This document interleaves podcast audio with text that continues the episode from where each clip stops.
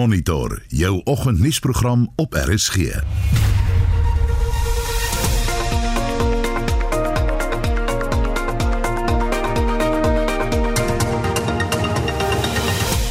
vanoggend se program, Back and Closer versprei na nog twee gebiede in KwaZulu-Natal. biosecure your farm, look after your farming communities, work together to achieve that biosecure zone that you need to prevent the spread of diseases into the area. Rompslomp en verouderde wetgewing vnuik werkskepping in townships. So wat gebeur is dis onwettig eintlik. Dis 'n skending van menseregte en grondwetlike regte. Dis heeltemal onwettig om jou lewensstandaard te verbeter. Die wette wat ons het is wette wat dit eintlik onwettig maak. Die regering hoop om nuwe buitelandse beleggings te lok. Investment to South Africa without a corresponding investment to the great African continent will not assist us as Africans to attain our Agenda 2063, the Africa we want. En duisende Suid-Afrikaners sterf jaarliks aan tuberkulose. Goeiemôre, ek is Anita Visser. En ek is Oudo Karelse.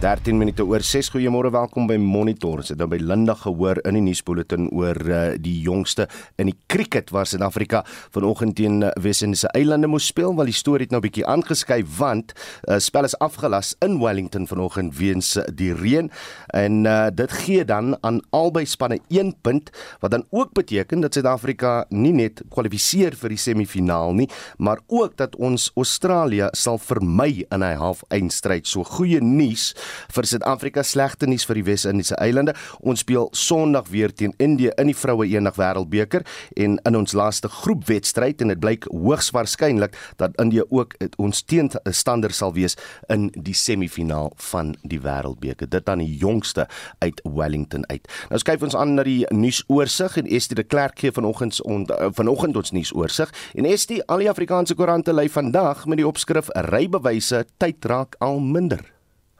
Ja, Oudo Beeld die Burger en Volksblad berig almal oor sowat 1,47 miljoen motoriste wie se rybewyse in die grasietydperk tussen 26 Maart 2020 en 31 Augustus 2021 verval het en nog net tot 31 Maart vanjaar het om hul rybewyse te hernie.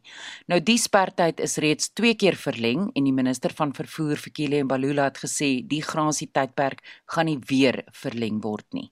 Afriforum het vroeër van dese maand gesê hy oorweeg dit om hom na die hof te wend as die grasietydperk nie verleng word nie. Die publikasie IOL berig oor die elektroniese e-taxi dienste wat passasiers gestrand laat en ook oor die volgende COVID-19 vlaag wat die land na verwagting teen einde April of vroeg in Mei sal tref en dit is in die lig dat die regering die inperkingsmaatreëls verslap het. Op Twitter gons die hitsmerk Nslansla Lux en dit is nadat die EFF woordvoerder Senawu Tambo gesê het die EFF gee die polisie 7 dae om die operasie Dudula leier Nslansla Lux in hegtenis te neem. 'n Saak van aanranding, intimidasie en huisbraak is teen Lux by die Dobsonville polisiestasie ingedien deur 'n lid van die publiek in Soweto. En dit was Estie met 'n oorsig oor vandag se nuus. Wat ons SMS vraag vanoggend betref 'n interessante vraag. Ons kyk 'n bietjie nostalgies terug vir die ouer luisteraars in hulle 20er jare. As jy geld gehad het, waar sou jy wou belê? En dink jy dis 'n goeie idee om die helfte van jou spaargeld te belê? En as jy nou raad gehad het vir jou jonger 20er self, wat sou jy toe gesê het vir jouself? Wat sou jy toe met jou geld gemaak het? Sou jy dit anders belê het? Sou jy anders daarmee gewerk het? Laat vir ons 'n bietjie weet vanoggend hoe konservatief werk jy met jou geld? Het dinge vir jou mooi uitgewerk finansiëel of sukkel jy in jou middeljare? Deel jou gedagtes met ons gaan na 45889. Onthou dit kos R1.50 of jy kan vir ons 'n stemnota WhatsApp na 076 536 6961 076 08911045366961 of praat saam op die Monitor Spectrum Facebookblad. Meer as 40 operateurs van onwettige privaat colleges is sedert 2011 in hegtenis geneem. Dit aldus die departement van hoër onderwys en opleiding. Die departement het die parlementêre portefeulje komitee oor hoër onderwys en opleiding op die hoogte gebring van stappe wat gedoen is om die colleges te sluit. Die departement het ook onthaal dat van die onwettige privaat colleges deur buitelanders vanuit lande soos Amerika bedryf word. Annelien Moses doen verslag. Volgens die departement is die Oos-Kaap, Gauteng en Mpumalanga die provinsies met die hoogste aantal onwettige privaat colleges. Die adjunkminister van hoër onderwys en opleiding, Boetie Manamela, het aan die komitee gesê daar was 'n afname in onwettige colleges oor die afgelope paar jaar, maar dat hulle maklik weer in ander dele van die land herrys. Manamela verduidelik hoe die departement op swendelaars toeslaan. Then, as far back as uh, 2011, we're working with the South African Police Services and the Department of Basic Education. We've been cracking down on the operators of bogus colleges, and over 40 operators of legal colleges have been arrested, which includes US based operators who use the logo of the Department of Education Training. And as a way of enticing students, because of the involvement of uh, US operators, we have also laid charges with the FBI and have published a list of colleges, local and international, on our website as a means to warn the public about alleged unscrupulous providers. Manamela sê die onwettige privaat colleges se modus operandi is dikwels gesofistikeerd. The modus operandi, and I must say, Chair, we think that one of the key reasons why we have somewhat seen a reduction of the number of illegally operating colleges is because our such our unit in the department has been working quite hard with some of the colleges that were committed to meet the requirements. Die direkteur-generaal van die departement van hoër onderwys en opleiding, Nkosinati Sishi, sê alle privaat colleges is veronderstel om by die departement te registreer. Once a college is registered, their names are entered in the register. That is published on our website. And we register these colleges and we continue to update regularly, you know, these colleges. And the students are urged check the registration status of the private colleges and all our parents. And we continue in our campaigns to try to reach out to all our stakeholders, making sure that the provisions of the Act are understood Sishi sê die departement se pogings in samewerking met die polisie sal verseker dat meer onwettige privaat colleges in die komende paar maande gesluit sal word. The department working with the police including Metro Police have established close working relations in dealing with illegal private colleges. Uh, since 2020 to date, we've closed uh, some of the private colleges and uh, will continue to close others through the uh, provisions and following the due processes of the law. Dit was die direkteur-generaal van die departement van hoër onderwys en opleiding, Nkosi Nati Sishi, wat die verslag van Abongwe Kobukana afsluit. Ek is Annelien Moses vir SAK nuus. Suid-Afrika se informele ekonomiese sektor of die sogenaamde township ekonomie maak 'n geskatte 17% van die totale indiensneming in die land uit. Volgens 'n studie deur die Wêreldbank oor Suid-Afrika se townships word die gesamentlike ekonomie op 100 miljard rand beraam. Vincent Mofokeng het met die stigter van die Vrye Mark Stichting, Leon Lou, gepraat oor die konsep en gevra hoe mense van kleur se regte steeds geskend word terwyl hulle probeer om hulle eie lewensstandaard te verbeter. Die mense werk in elk geval. Hulle is nie eintlik werkloos nie, maar waar hulle werk, die meeste van hulle is in die sogenaamde informele sektor. Nou dis ook 'n snaakse naam, dis heeltemal formeel. Dis net die onwettige sektor. Dis eintlik waar ons na toe verwys, die sektor wat verbied is. Maar ja, wat gebeur is die mense wat werkloos is of wat werk en formeel in die onwettige sektor is in hoofsaaklik in die townships en die landelike gebiede maar wat gebeur is daar is 'n floreerende ekonomie daar dis seker maar baie hoër persentasie van die amptelike landse ekonomie as wat mense besef 'n mens kan dit sien as jy rondreis soos ek sê navorsing deurkyk. Jy ry net rond in die landelike gebiede, die informele gebiede, semi-formele gebiede en townships en wat jy sien is 'n fenominele mate van ontwikkeling. Bou, motors, uh, handel, nywerheid, klein sake natuurlik en dis waar mense vreedsaam 'n lewe maak en uh, van hulle is natuurlik op straathoeke en van hulle is aan die kriminele sektor maar dis eintlik baie min. Die hoofsaaklike meerderheid van Suid-Afrikaners lewe en werk in hierdie ekonomie. Nou volgens die Wêreldbank studie oor Suid-Afrikaanse townships word die, die gesamentlike ekonomie op 100 miljard rand geraam. Maar mense kan nie hierdie geld in die townships sien nie en dit dra seker by tot die tesourie. Hoekom kan 'n mens nie die geld in die townships sien nie? Wel, 'n mens kan afhangend waar waar, waar nou jy kyk. Byvoorbeeld ons doen baie werk in plakkerskampe sogenaamd informele behuising. En wat gebeur is as die mense permanente struktuur bou, 'n huis wat hulle kan en wil doen, dan word dit deur die plaaslike owerheid sommer afgebreek. En so wat gebeur is dis onwettig eintlik. Dis 'n skending van menseregte en grondwetlike regte. Dis heeltemal onwettig om uh, jou lewensstandaard te verbeter.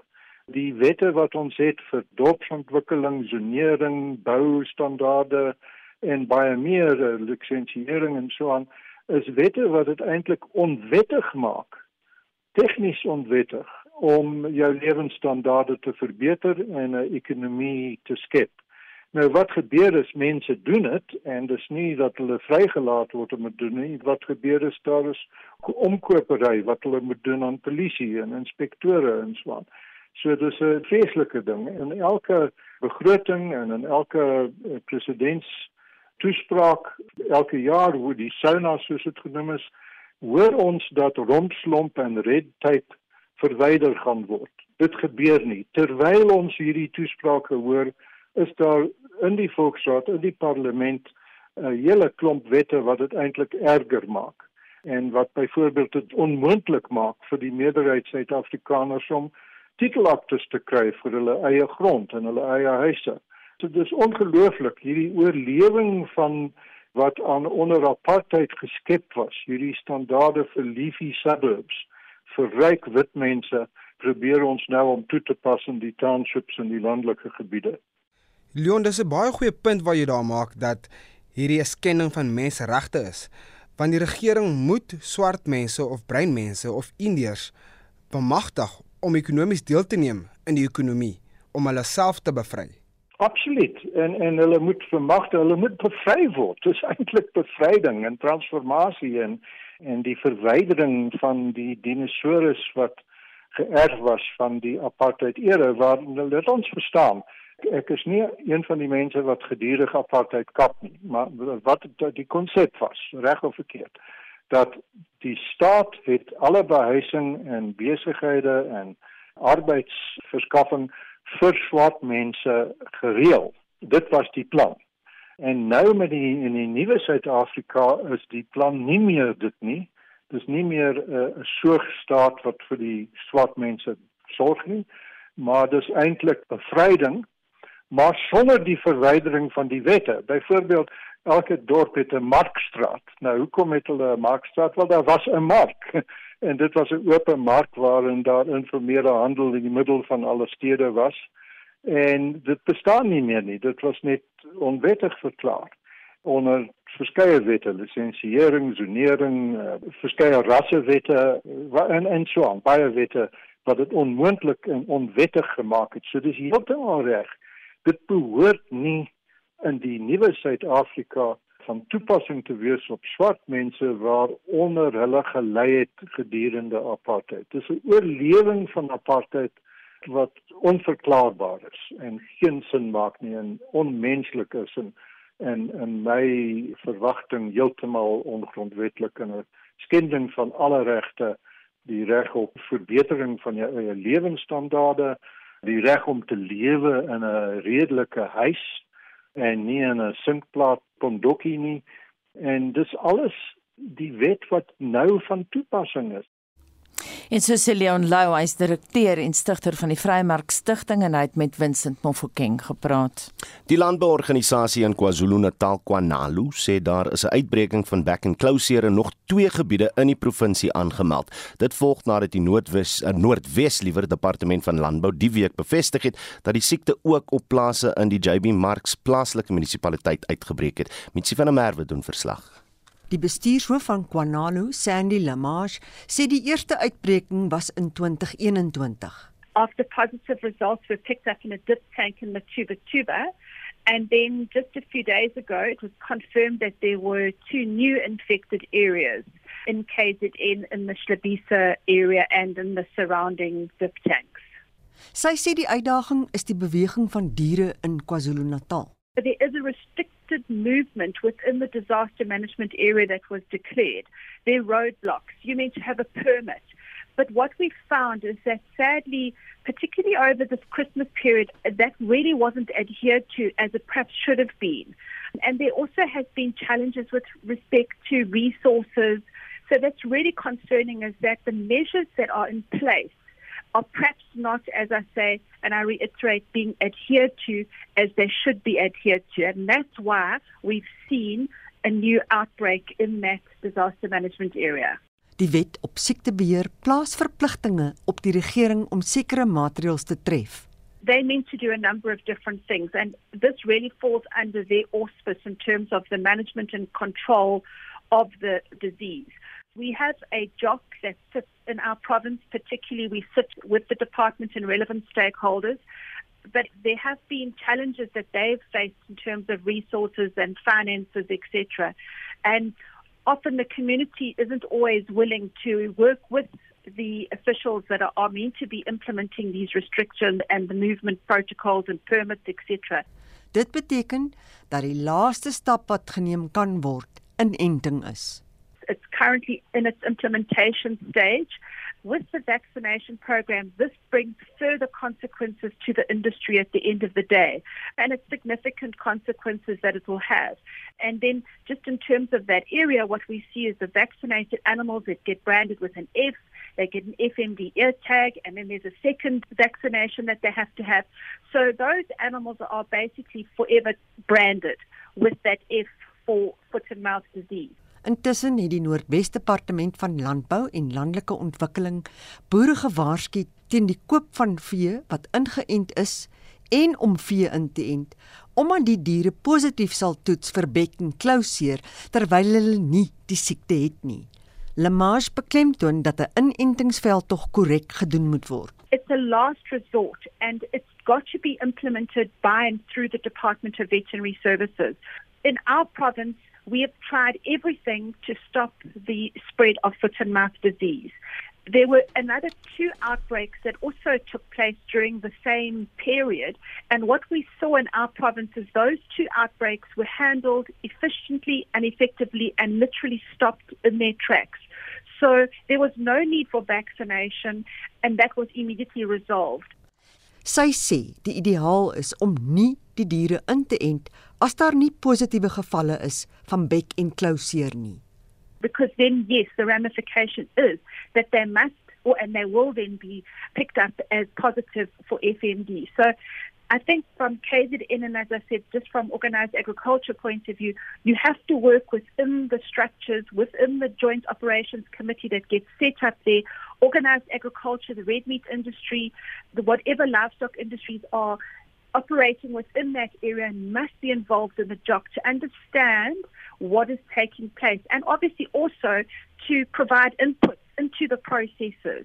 Dit is hoekom al die rolspelers moet inspring. Lamashe KwaZulu-Natal bestuur die situasie reeds vir 'n geruime tyd. This is not our first foot and mouth outbreak, but some time ago we drew up a biosecurity protocol using what we had come to understand as best practice And now, more recently, we partnered with the KZN red meat producers and hosted a biosecurity workshop. We discussed the APAC rules. We talked about implementing traceability systems and sound biosecurity protocols. But at the end of the day, we really, as organized agriculture in KwaZulu-Natal, are recommending and advising all our farmers that they must do everything possible to biosecure their farms and protect their industry. It really is going to come down to farm gate biosecurity measures. Sandy Lemage is die bestuurshoof van die landbouorganisasie in KwaZulu-Natal, Kwanalo. Mitsi van der Merwe, SAK-nuus. Jy luister na Monitor elke weekoggend tussen 6 en 8. 631 die hoofnuus gebeure oppositieparty het nie veel hoop vir die 4de Suid-Afrikaanse beleggingskonferensie wat vandag in Sandton Johannesburg begin nie. Die Kaapstadse Metro sê hy het gebeur gebeurlikheidsplanne ingestel vir enige moontlike veiligheidsprobleme wat kan spruit uit 'n betoging deur taxi-bestuurders in die stad. En die landbouorganisasie Kwanalo sê back and closure het versprei na nog twee gebiede in KZN bly by Monitor.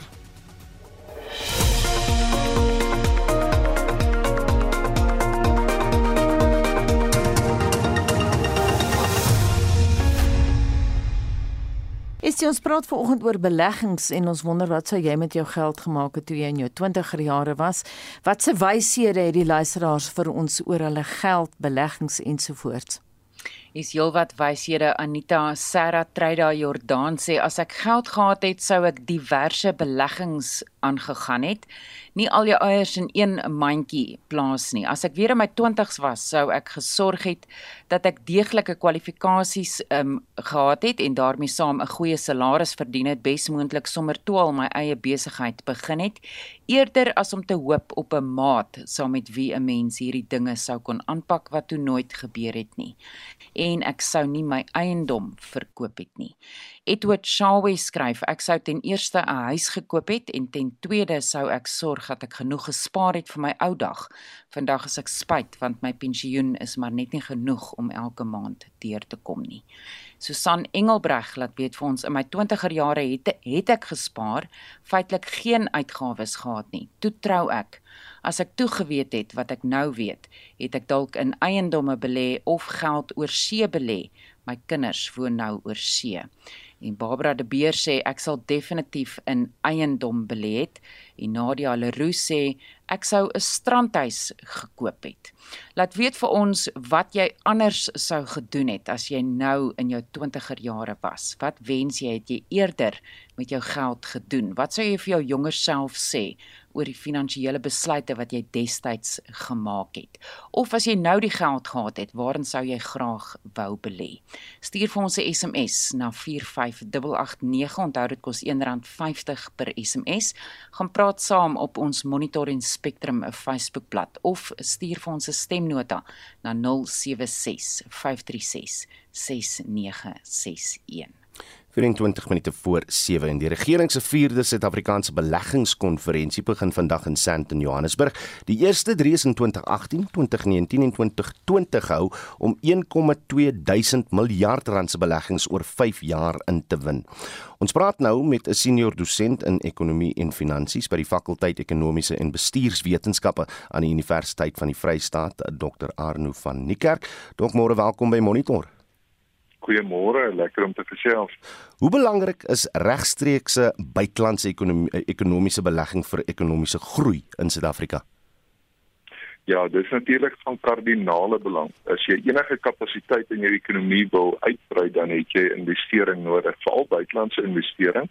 Ehm um, want dit natuurlik bou beleggers vertroue en dit bring meer 'n stroom van uh, belegging van die buiteland af en natuurlik lei dit tot meer handel met uh, die buiteland. So ja, dit is van geweldige belang en die groot aspek daarvan veral in vandag se konteks en in Afrika is dat dit ehm um, sal lei tot inklusiewe groei. Nie net gewone BBP verhoging nie, maar dat dit lei tot inklusiewe groei waar al die sektore van die ekonomie daarbey baat vind en dat dit lei tot ehm um, jy weet 'n verlaging in ekonomiese ongelykheid en werkskepping en uh, sosiale impak daarvan verhoog.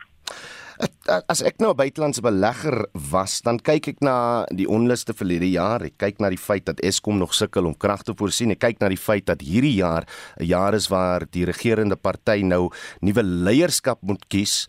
En as ek nou met my dollar sit, gaan ek nou eers bietjie die kat uit die boom kyk voor ek in Suid-Afrika gaan bestee. Ja, weet jy, dis juist die die die uitdaging waarmee ons sit. Daar is soveel veranderinge uh, internasionaal uh, en natuurlik met die pandemie wat plaasvind tans die oorlog in die Oekraïne plus leierskapsverandering dat ja, is definitief uh, nou is 'n tyd vir so 'n konferensie krities belangrik, maar dis ook die tyd waar beleggers uh, sal moet oorgewen word letterlik om in Suid-Afrika belang te stel. Maar uh, ja, so 'n inisiatief van die president is geweldig belangrik. So dit wat die regering wel kan beheer, doen hulle dit uh, om seker te maak dat hulle belegging stimuleer? Ja, ehm um, weet jy, dis nou interessant as ou net so 'n bietjie kyk na ehm um, van die beleggings ehm um, wat nou oor die afgelope 3 jaar natuurlik laas jaar se konferensie kon nie plaasvind nie weens die pandemie maar ehm um, van die beleggers ehm um, en beleggings het gevloei in die mynbou sektor, vervaardigingssektor, die landbou sektor en natuurlik die digitale ekonomie. En ehm um, gedurende die pandemie was dit baie belangrik geweest want ehm um, die die digitale ekonomie het ten minste veroorsaak dat mense van die huis af gaan werk en dat daar nog steeds 'n bydrae tot die ekonomie kan wees. So ja, ehm um, ek dink daar is definitief ehm um, ehm um, belangrikheid dat uh, hierdie beleggingsvloeie sal toeneem. Ehm um, ons sien ook uit uh, die vorige konferensies is daar iets soos 152 beloftes gemaak hmm. en 45 daarvan is al klaar ehm um, ehm um, uh, ek wil verseker voltrek of jy weet die die bydraes is al gemaak maar daar's nog 57 wat ehm um, onder in proses is. So 40% van hierdie beleggingsbeloftes het alreeds volstrek teen einde Februarie. So nou is dit belangrik dat die effek daarvan gesien word en natuurlik ehm um, so 'n konferensie stimuleer verdere belangstelling vir 'n toename in hierdie ontlegging. So gepraat van van wat kan gesien word 774 miljard rand ingewin deur die die laaste 3 konferensies. As Suid-Afrikaners nou net kyk rondom die land na die groot projekte wat, wat verbind hou met hierdie konferensies, waarna kyk ons? Watse projekte kan ons kan ons 'n uh, soort van van uitwys? Ja. Dit is die vrugte van van hierdie konferensies. Ja, natuurlik, dis moeilik, uh, want as jy deur 'n pandemie gaan en 'n krisishantering gaan, dan jy weet dan dan het jy nie altyd tasbare bewyse van baie in hierdie finansies is nie. Ons weet daar's dit om noodfondse gewees en goed, maar natuurlik hierdie uh, beleggings moet geallokeer word uh, vir kapasiteitsbou in die land. So ek dink een van die aspekte ehm uh, uh, jy weet ehm um, wat ons gesien het um, is natuurlik die digitale ekonomie hoe en veral die die beleggings van China en uh, uh, Indië wat gemaak het dat daai stroom ehm um, van uh, jy weet uh, ekonomiese inspuiting in die in die land se ekonomie ten minste uh, voortgaan en dat die land op dit steun um, en nou sal ook wil sien dat dit oorvloei na stimulering van toerisme. Uh ook iets wat ons noem impak investering uh waar ons kyk na spesifieke projekte in gemeenskappe um, en veral projekte waar jou ehm um, sake sektor die publiek gemeenskappe en die regering kan aanvat. Ehm um, daar word uh, al hoe meer verwys na ehm um, sosiale uh, kompakte ehm um, waar waar die ondersteuning vanuit die gemeenskap aanvat met die regering en die private sektor. Nou daai tipe van investering raak nou belangrik uh, op plaaslike vlak en natuurlik dan jou groot sektore soos mynbou ehm um, uh, die energie natuurlik is is is 'n groot aspek. Ehm um, veral met Eskom se uitdagings en uh, ja, dan die vervaardigingsbedryf. So ja, die stimulering daarvan en die bring van beleggings en nie net uh, kapitale inspuitings nie, maar ook uh, fabrieke wat opgesit word. Ehm uh, nuwe ehm um, jy weet kapasiteit werkskepping, uh, buitelandse direkte investering in die land sodat dit plaaslike beleggings ook kan stimuleer want jy wil eintlik plaaslike beleggers hê wat aanhaak by hierdie buitelandse uh, kapitale invloed. Dr. Anu van die Kerk is 'n senior dosent in ekonomie en finansies by die fakulteit ekonomiese en bestuurswetenskappe aan die Universiteit van die Vrystaat. Inwoners van Durban se suidelike stad kom selfs besorg oor die toekoms na die sluiting van twee raffinaderye. Hulle het hulle kommer gedeel tydens 'n vergadering met die presidentskommissie oor klimaat. Die moet 'n raamwerk daarstel vir 'n deurdagte oorgang na 'n koolstofneutrale ekonomie. Die raamwerk sal na verwagting teen die middel van die jaar afgehandel wees en behoort teen 2025 geïmplementeer te word. Dries Liebenberg berig. Mense van Durban se suidelike stadskom woon al 70 jaar lank reg langs nywerhede en midde die besoedeling wat daarmee gepaard gaan. Die gebied het 'n hoë voorkoms van kanker en hartkwale. 'n Studie deur professor Rajan Naidu van die Universiteit van KwaZulu-Natal het getoon dat 52% van leerders aan 'n laerskool in die gebied aan asma ly. Naidu verduidelik 'n kind se ontwikkeling word voor geboorte al deur besoedeling beïnvloed. We've seen that those mothers who are pregnant, they have a greater risk for producing babies who are of lower birth weight. Now what does that mean when the child gets into school? That child is going to be repeatedly sick and staying away from school. That impacts on the child's performance. 15 years ago when we did the South Durban health study, those children with asthma are now struggling to get jobs because they've missed school so much. Shanice Furman van die South Durban Community Environmental Alliance het vertel hoe hulle dekades lange stryd om seggenskap oor die stand van die omgewing waar hulle woon tot die opstel van die Wet op Nasionale Omgewingsbestuur en 'n meesterplan oor luggehalte gelei het. Die SDCEA sê egter dat die nywerhede se belange steeds voorkeur geniet en dat nywerhede agter die Wet op Nasionale Sleutelpunte skuil om inligting te weerhou. Furman sê sy hoop dat hulle inspraak die keer 'n verskil gaan maak. And I hope this is not another incident or another occasion where we do not inform the plans and decisions that happen on us. We identify that government officials are always lacking in the engagement with people. In public meetings, they are absent, they hide, they disappear, when they should be the ones in the communities making and reassuring people that this is development will benefit them. Die vergadering kom nadat Engen aangekondig het dat hy sy raffinaderry in 'n invoerterminaal gaan omskakel en dat Sapref teen die einde van die maand sy bedrywighede staak. Sakeman Jerome Skoonberg sê mens kan dit nie wegwens dat 2/3 van die land se brandstof via Durban kom nie. Baie maatskappye in die stadskom is van groot nywerhede afhanklik. Quincy Finn sê groot korporasies moenie toegelaat word om te sluit voordat daar met alternatiewe vorendag gekom is nie. So if there's 3,500 people like what happened last month got sent home from Seprif, there should be at least one project within the green economy that we can look to and say, "Ah, guys, don't worry. There's it coming from here. This is where we headed. This is the army of solar panel installers that are currently being trained." This is the incubator of businesses that will be capacitated to work in the hydrogen economy. Die kommissie se sekretaris, Mac Makwarela, sê daar word voorspel dat die wêreld tussen 2025 en 2050 van fossiel brandstof na waterstof en hernubare energie sal oorskakel.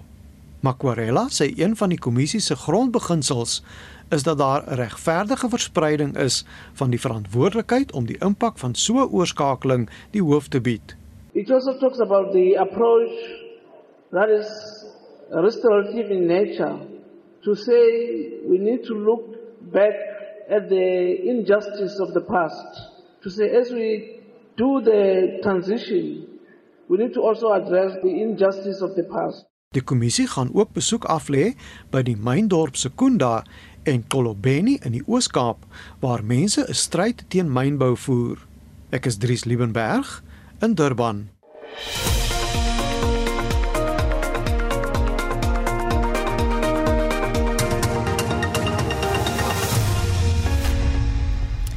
60000 Suid-Afrikaners sterf jaarliks aan tering. Ons praat vandag hieroor as deel van die Wêreldgesondheidsorganisasie se fokus op tuberkulose dag. Aan die woord vanoggend is professor Martie van der Walt, sy is hoof van die Mediese Navorsingsraad se tering platform. Goeiemôre Martie. Môre Aneta en ook môre aan die luisteraars. Ons het nou elke jaar op dieselfde dag het ons Wêreldteringdag, maar wat is vanjaar se tema? Die tema vir van jaar is in Engels sê hulle invest lives saves um invest in TB saves lives. Dit beteken ons moet ook ons moet investeer um geld baie meer geld gee vir TB en vir TB beheer en daardeur um kan ons lewens spaar, maar dit beteken ook dat ons almal tyd moet spandeer aan ons gesondheid en daardeur kan ons verdere lewens spaar. Wat kry al die geld? Kanker, HIV, COVID? Wel, ongelukkig is dit die laaste 2 jaar is dit COVID as mens sien na die kyk na die ongelooflike hoeveelheid geld wat COVID gekry het en as mens dan kyk na die ehm um, merkwaardige vordering wat daar gemaak is sê in 2 jaar ehm um, in terme van 'n paar eindstowwe daar is diagnostiese toetse ontwikkel daar is wat ons noem die um, telehealth apps wat mens self kan uh, op jou selfoon kyk of jy dalk 'n risiko het ehm um, en daar is middels ontwikkel en nuwe tipe behandeling. So mense kan sien in die laaste 2 jaar het daar verskriklik baie geld gegaan na COVID toe. Maar TB kry glad nie so baie geld nie. Ehm um, as mens nou byvoorbeeld kyk na ehm um, kankerbehandeling en so aan ehm um, daar word baie geld daarin geïnvesteer maar ehm um, dit is vir spesifieke groepe maar in siektes soos TB en malaria word daar glad nie so baie geïnvesteer nie. Maar dit kry alle ouderdomsgroepe tering? Ja, almal kan dit kry. Ehm um, enige ouderdomsgroep alhoewel ehm um, kinders jonger as 5 jaar, dit is ehm um, babatjies en dan kleuters is veral ehm um, ehm um, kan veral vatbare kry ja, hulle is veral vatbaar daarvoor. Hulle kan dit veral kry dan hier van 5 tot so 10, 12 jaar. Is kinders ehm um, om een of ander rede nie meer so vatbaar nie en dan hier van 10, 12 af ehm uh, vroeër vatbaarheid dan weer daarvoor. So almal kan dit kry. Klein kindertjies is meer vatbaar. Byvoorbeeld mans meer mans kry TB as wat vrouens proporsioneel sou kry. Ons weet nie regtig hoekom nie. Dis miskien hormonaal of ander redes. Uh mhm. -huh. Maar oor die algemeen kan ons sê almal kry TB. Maar die jaarlikse teringsterfte syfer in Suid-Afrika is 60000 soos wat ons in die inleiding gesê het. Maar hoeveel Suid-Afrikaners kry tuberkulose sonder om te sterf? Ja, ons reken dit ongeveer ehm um, in die populasie as ons nou kyk volgens wat ons ehm um, sien behoort ons ongeveer so 330 000 mense per jaar siek te word of TB te kry. Ehm um, maar nie almal van hulle word wel behandel nie. So daar's ongeveer van daai 330 000 reken ons daar's miskien so 150 000 wat tuberkulose kry en hy nooit ehm um, gediagnoseer of behandel word nie. Hmm. En hoeveel mense bou weerstandigheid op teen tering?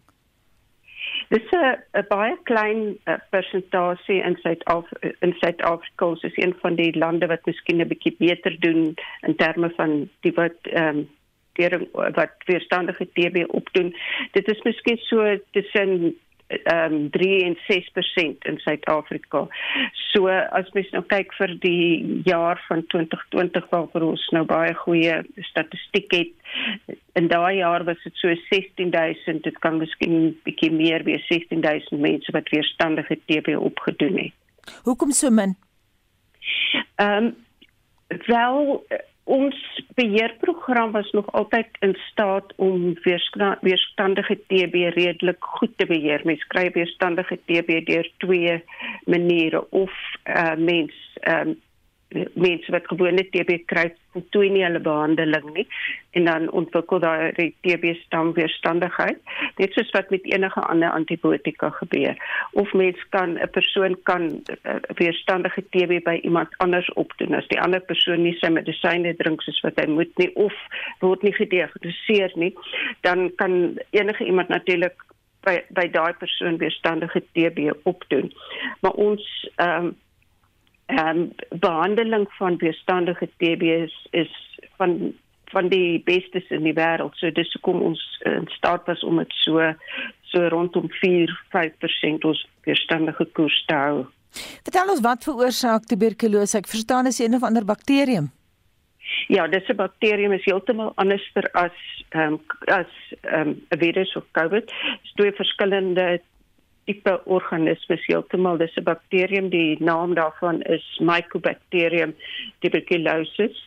Ehm um, dit word daar is baie ooreenkomste met byvoorbeeld met met COVID dit word ook deur die lug oorgedra. dit is ook 'n siekte ehm um, van die longe.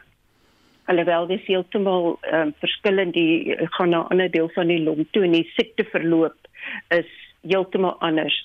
Tuberkulose is glad nie so aansteek uh, aansteeklik soos wat COVID is nie. Dit is glad nie so ehm um, mens kan amper sê so virulent as wat COVID is nie.